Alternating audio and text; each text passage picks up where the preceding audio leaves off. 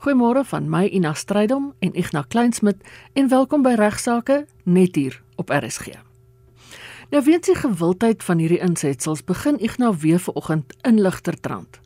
Dan bespreek hy nuwe wetgewing oor forensiese prosedures en die insameling van DNS monsters en hy gee inligting oor 'n skikking oor die eksklusiewe ooreenkomste vir die verskaffing van skoolklere. Goeiemôre Ina, goeiemôre luisteraars.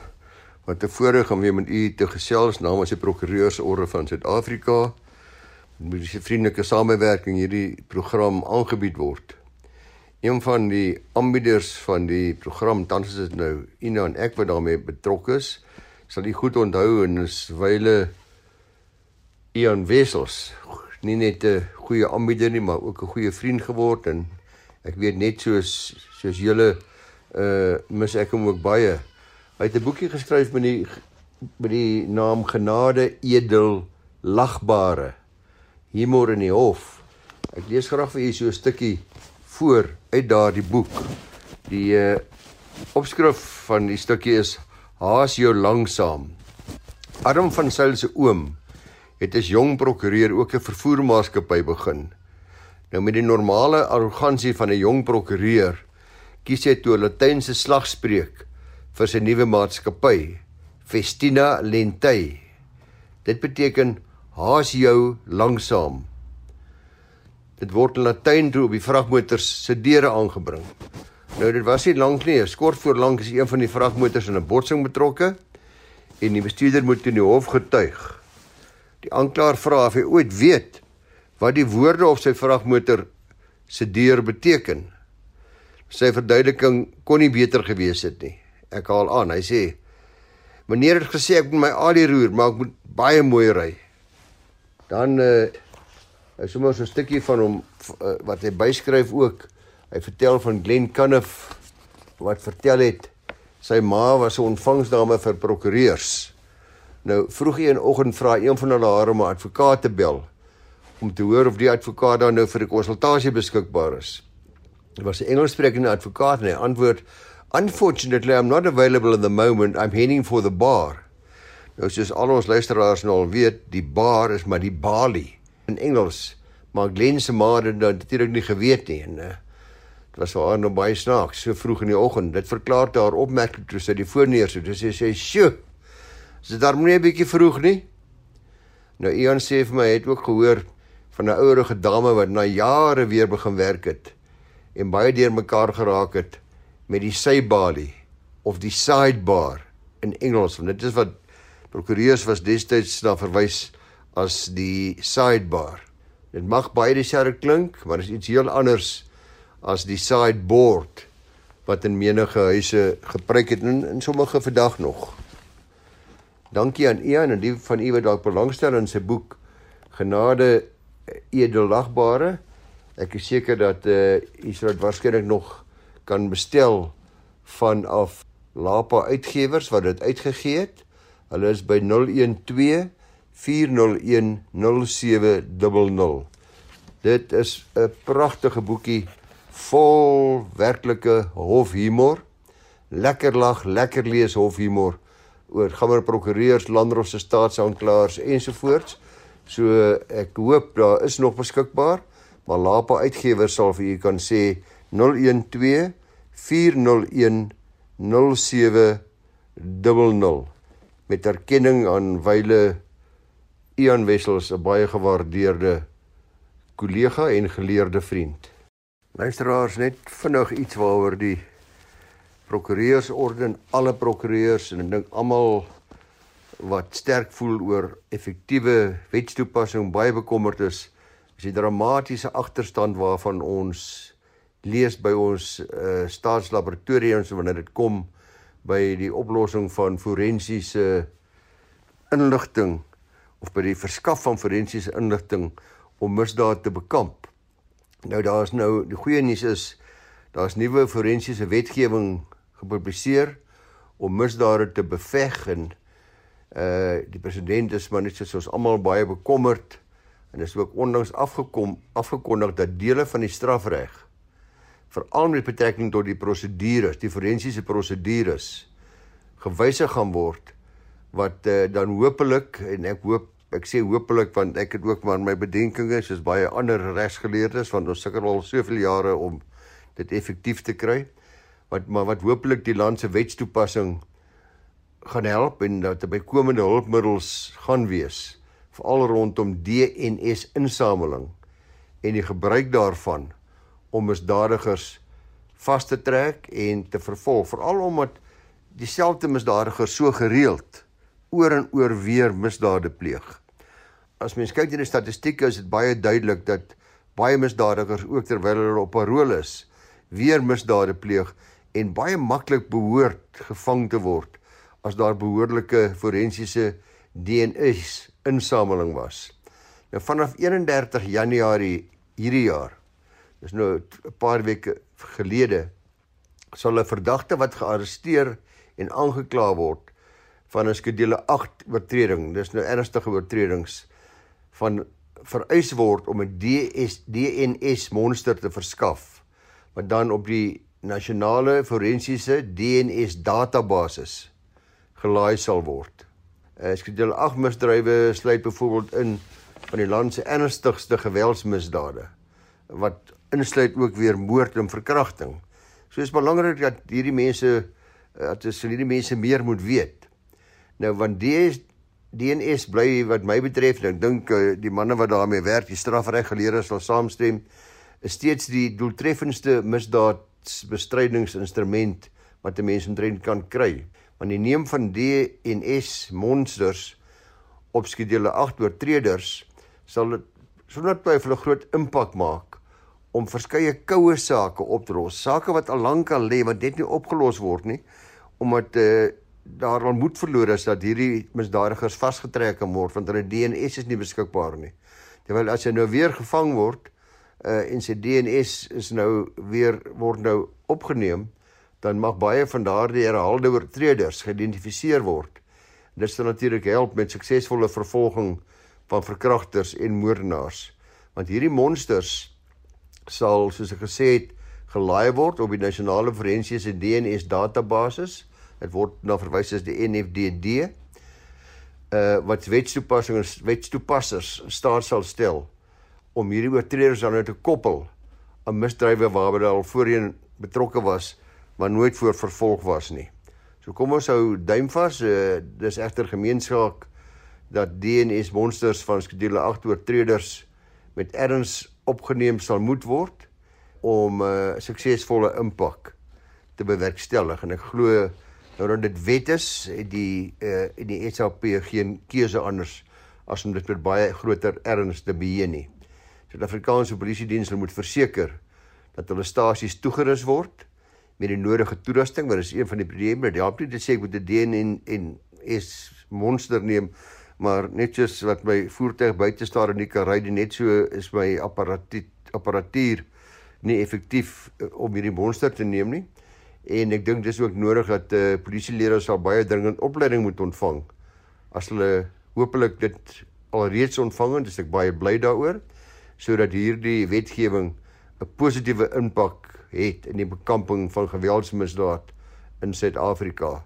Veral ook is dit uh, belangrik met betrekking tot uh, geslagsgebaseerde geweld op vrouens en kinders. So kom ons hou duim vas dat daar 'n groot verbetering gaan wees se gevolg van hierdie nuwe wetgewing. Luisteraars, ek moet nou eersins dadelik om 'n skoning maak dat ek nou 'n bietjie laat is. Nou dink nou vir julle gaan vertel want dit is nou al laat in die jaar en die kinders is nou al almal skool toe. Maar ek weet dat uh, dit 'n uh, groot verligting is vir ouers wat skooldrag moet koop.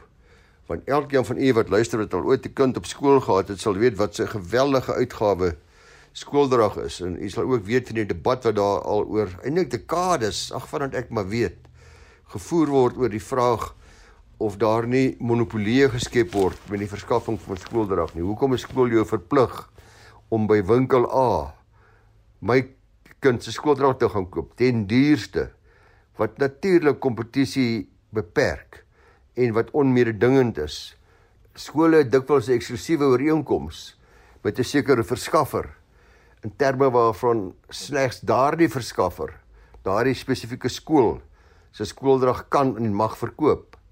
En natuurlik lei dit daartoe dat daardie verskaffer uh, as gevolg van 'n gebrek aan kompetisie die prys kan bepaal uh, en met dat wees dikwels te veel betaal vir die skooldrag. Skole se argumente is dikwels dat hulle ooreenkom dat dit reeds die andersom is en dalk is dit waar dat hulle reeds vir een skool alleen reg gee op voorwaarde dat dit minder is as wat die uh, dit sou wees as almal gelyk meegeding het. Maar nou ja, uh, die meeste ouers sal vir die sê dat hulle nie daarmee saamstem nie.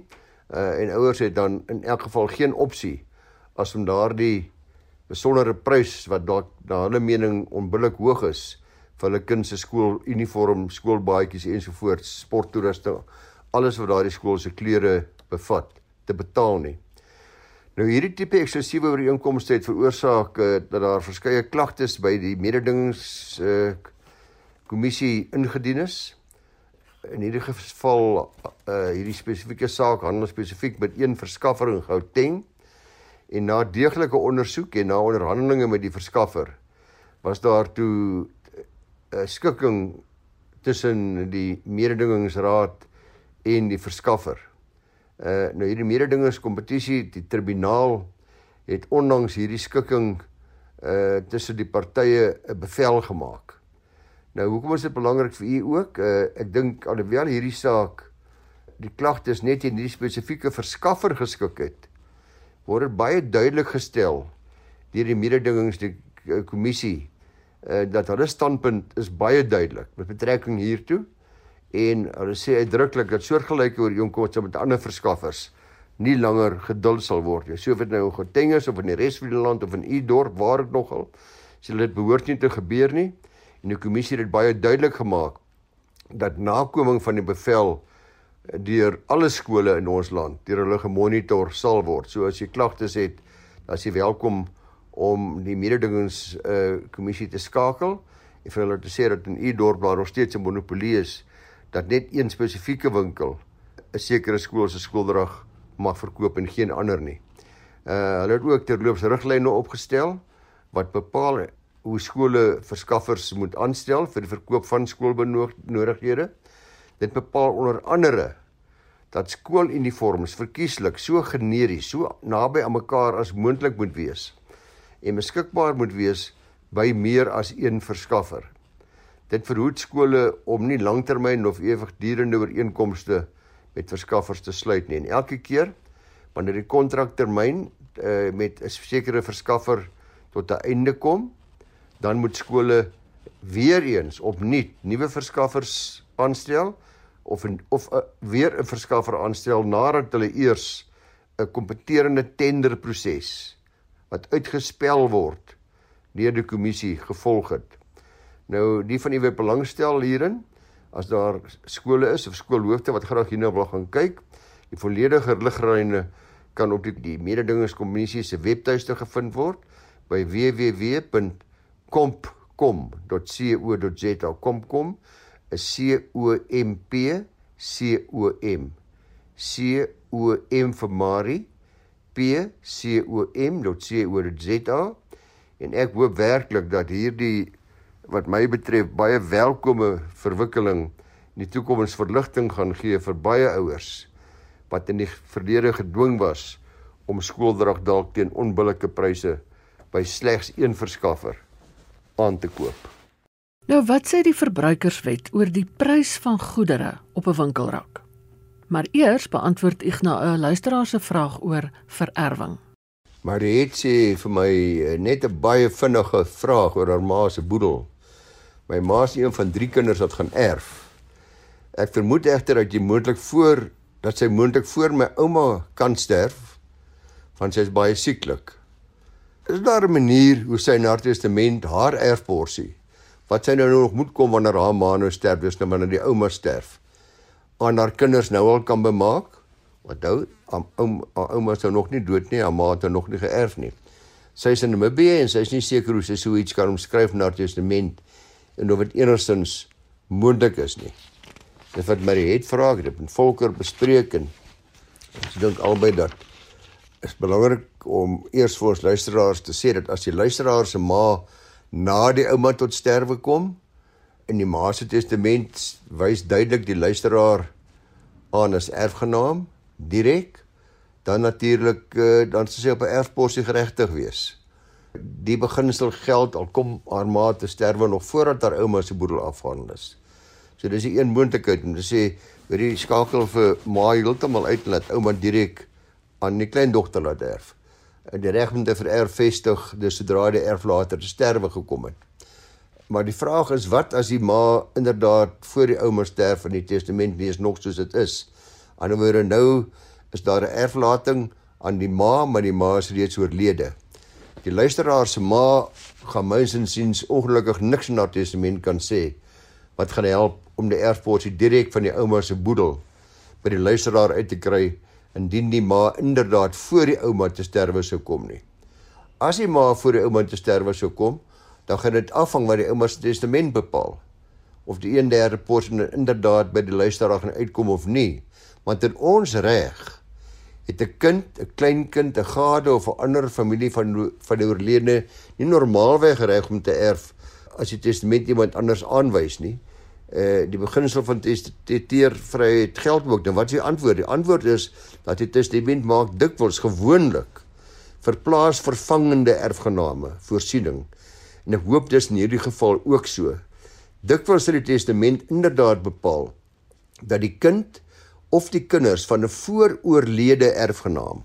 Aan die ander woorde, ons luisteraar Mariet se ma is nou vooroorlede en nou sterf haar ouma en haar ouma se testament sê my oorlede ma erf, dan in so 'n geval sê die testament dat die kinders van 'n vooroorlede erfgenaam, so aan die ander woorde haar ma se kinders, in daardie vooroorlede erfgenaam se plek moet erf.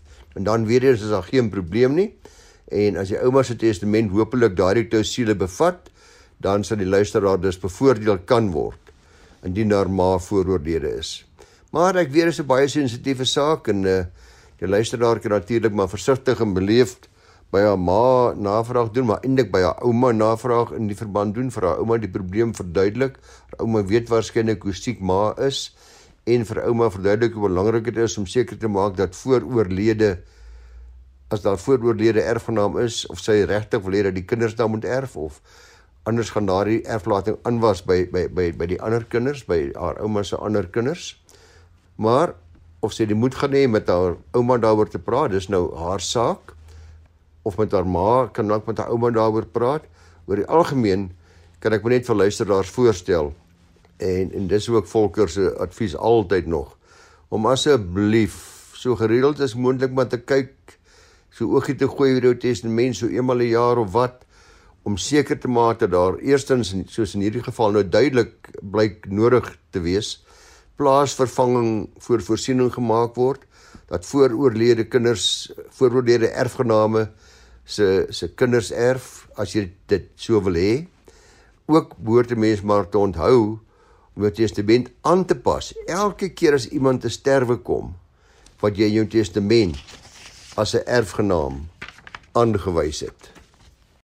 Ek ontvang 'n skrywe e-posie van iemand wat sin wie se naam Abri Spanningberg is. En ek sien hy sê lekker dag, ek hoor graag van jou groete uit Skaapstad. Skaapstad en sê Domstad. Ek weet nie hoe kom hy nie van Skaapstad toe of hoekom ek dink die Kaapstaders is dom nie, maar dis sy mening. Hy sê hallo Ignas. Hy sê ek het 'n vraag oor die prys van goedere op 'n winkelrak. Ek was vandag by 'n meubelwinkel en oral was daar 'n 30% afslag by elke prys geplak. Met navraag het die verkoopsdae gesê dat die prys was wel op die item geplak, maar dit reeds die 30% afslag in aanmerking neem. So dis reeds afgetrek die prys wat op wat op die item is. Volgens my sê hy dis nou uh, Abri moet die normale prys mos gewys word en dan met die spesiale afslag afgetrek word. Dis nou vir die koper, vir die verbruiker. Ook het ek gevind dat die meeste van die items wat uitgestal was, nie in voorraad is nie.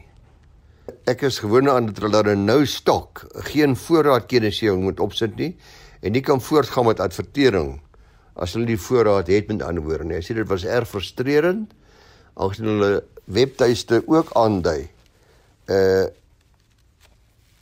dat daar voorraad is terwyl hulle glad nêrens aandui dat daar nie meer voorraad is nie. So wat hy sê eintlik mens gaan verniet, jy dink jy 30% afslag is ingesluit, daar's nie voorraad nie ensovoorts. Ek dink baie van ons het ook al dalk dieselfde frustrasie ervaar. Ek het vir Esmery McKellen nou by ons gevra. Sy hou ook van inkopies doen en vir gevra sy moet 'n bietjie vir my sê wat sê sy van hierdie hele betalje want ek was 'n uh, bietjie gelei om self die navorsing te gaan doen alhoewel ek gedink het ek ken die antwoord maar sy sê elke verbruiker was sekerlik al in die situasie waar die prys van 'n item op die winkelrak verskil van die prys wat by die kassiere opgelui word. Elkeen behoort ook hierdie uh, sinnetjie waarna ons luisteraar verwys al te erken. 20% of the mark price. Nou na aanleiding van so 'n sin langs 'n item op 'n rak behoort elkeen te verstaan dat die prys op die item nog nie die 20% afslag insluit. Dit staan mos net duidelik 20% af van die gemerkte prys. Nou is daar 'n gemerkte prys van R100, nou weet jy jy gaan R80 betaal. Dan is die afslag duidelik nog nie by die prys ingesluit nie, eh, maar dan baie af van wat presies daardie bewoording is. En uh maar nie ander winkels maak ongelukkig hulle promosies en hulle afslagte so duidelik nie. Daar sal byvoorbeeld soos in ons luisteraars se geval staan 30% afslag. Maar daar staan R100 al klaar. Nou sê die winkelassistent vir nee meneer nee nee nee. Dit was eintlik R130 of R133. Ons het dit klaar afgetrek. Dis nou net R100. Daar moes eintlik duidelik gestaan het 33% afslag is reeds toegestaan. Of 33% afslag op hierdie item toegestaan reeds by prys in berekening gebring. Iets in daardie lyn. En dis presies uh, wat Abri sê. Nou kom ons uh, kyk 'n bietjie na na wat die wet sê want uh promosies is baie keer maar baie misleidend. En mense wil graag hê dat daar moet daar moet gestaak word met hierdie onduidelike pryse uh en ook die onbeskikbaarheid van voorraad waarmee mense gelok word na 'n winkel toe uh en baie keer is daar dan nie meer voorraad nie. Veral waar waar baie duidelik is dat die voorraad item wat geadverteer word teen 'n baie groot winskoop is. Met ander woorde, hierdie bottel brandewyn gaan net 50% van die normale prys kos. As jy daar by die drankwinkel kom, dan sê dit is uitverkoop. Daar was eintlik net 5 bottels. Jy sal ook baie keer sien om dit te voorkom, sal winkels dan sê solank voorraad hou of net ons het net 20 bottels beskikbaar of wat ook nog al. Daar's geen fout daarmee nie. Maar dit moenie 'n onbillike lokmiddel wees terwyl dit duidelik nie duidelik is dat uh, daar nie dat daar 'n sterk moontlikheid is dat daar nie meer voorraad gaan wees nie. Nou wel luisteraar, alhoewel daar nie spesifieke artikels in die verbruikerswet is wat met hierdie spesifieke scenario handel nie, dan kan die antwoord tog afgelei word uit verskeie artikels in die verbruikerswet wat saamgelees moet word. Eerstens artikel 23 van die verbruikerswet bepaal baie uitdruklik geen twyfel daaroor nie dat die prys van 'n item duidelik vertoon moet word. Artikel 34 van dieselfde wet bepaal dat die aard van enige prysverlaging baie duidelik aan die verbruiker bekend gemaak moet word en duidelik gemaak moet word. Artikel 48 van die verbruikerswet verbied enige onregverdige, onredelike of onbillike bemarking wat moontlike verbruiker kan mislei. En laastens bepaal artikel 41 dat goedere of dienste nooit op so 'n manier bemark moet word wat 'n valse indruk by 'n verbruiker skep of waar 'n belangrike feit nie openbaar word aan die verbruiker nie. So ek hoop hier's baie handelaars wat luister vandag en ek weet daar is baie handelaars en ek kry baie vrae van hulle af uh wat luister na hierdie vier artikels. Alhoewel die wet bevat nie spesifieke riglyne hoe hoe enige voorwaardes dan die afslag gekoppel is oorgedra moet word nie, is dit baie duidelik uit hierdie artikels dat daar by die verbruiker dat dit op so 'n manier bewoord moet word dat daar by die verbruiker nie twyfel is oor wat die pryse is nie. Met ander woorde soos Eh, so Esmery gesê het 20% af van die gemerkte prys. Prys is R100 by u gaan 80 betaal of 33% afslag nog nie in berekening gebring of 33% afslag reeds in berekening gebring. Dis wat die verbruikerswet sê. Dis wat mens as dit dit is 'n duidelike afleiding uit al die artikels dat daar nie by die verbruiker enigsins misleiding moet wees nie of enigsins onduidelikheid moet wees nie. Daarom bevat advertensies gewoonlik slegs die bewoording ook bepalinge en voorwaardes geld wat natuurlik baie wye manier is om myself uh, te beskerm en waarin daar dikwels fynskrif gevind word, maar weer eens uh wat pryse betref en advertensies betref, is die wet duidelik, daar moet by die verbruiker nie enigsins twyfel geskep word nie. By die tekort aan voorraad aanbetref bepaal artikel 30 dat verskaffers nie goedere mag adverteer as beskikbaar teen 'n sekere prys wat die misbruiker kan mislei oor die ware beskikbaarheid van daardie goedere nie. Vir hierdie rede is dit dan wat verskaffers gewoonlik die woorde sit terwyl voorraad hou in hulle advertensie of slegs 10 beskikbaar of wat ek nogal en daar's nie fout daarmee nie. Want dan moet hulle nie dan moet hulle nie byvoorbeeld uh, alreeds weet hulle het net een bottel brandewyn wat dadelik verkoop geword nou gaan die hele wêreld toe storm vir hierdie versortelike winskoope nie. Ek dink uh, ek dink 'n tribunaal gaan vind dat daar misleiding was en onbillike advertensie was.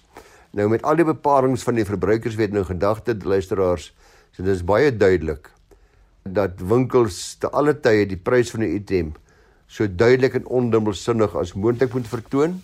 Indien nie sal verbruikers kan argumenteer dat die prys wat advertensie daarvoor misleidend en dus teenstrydig met die verbruikerswet is.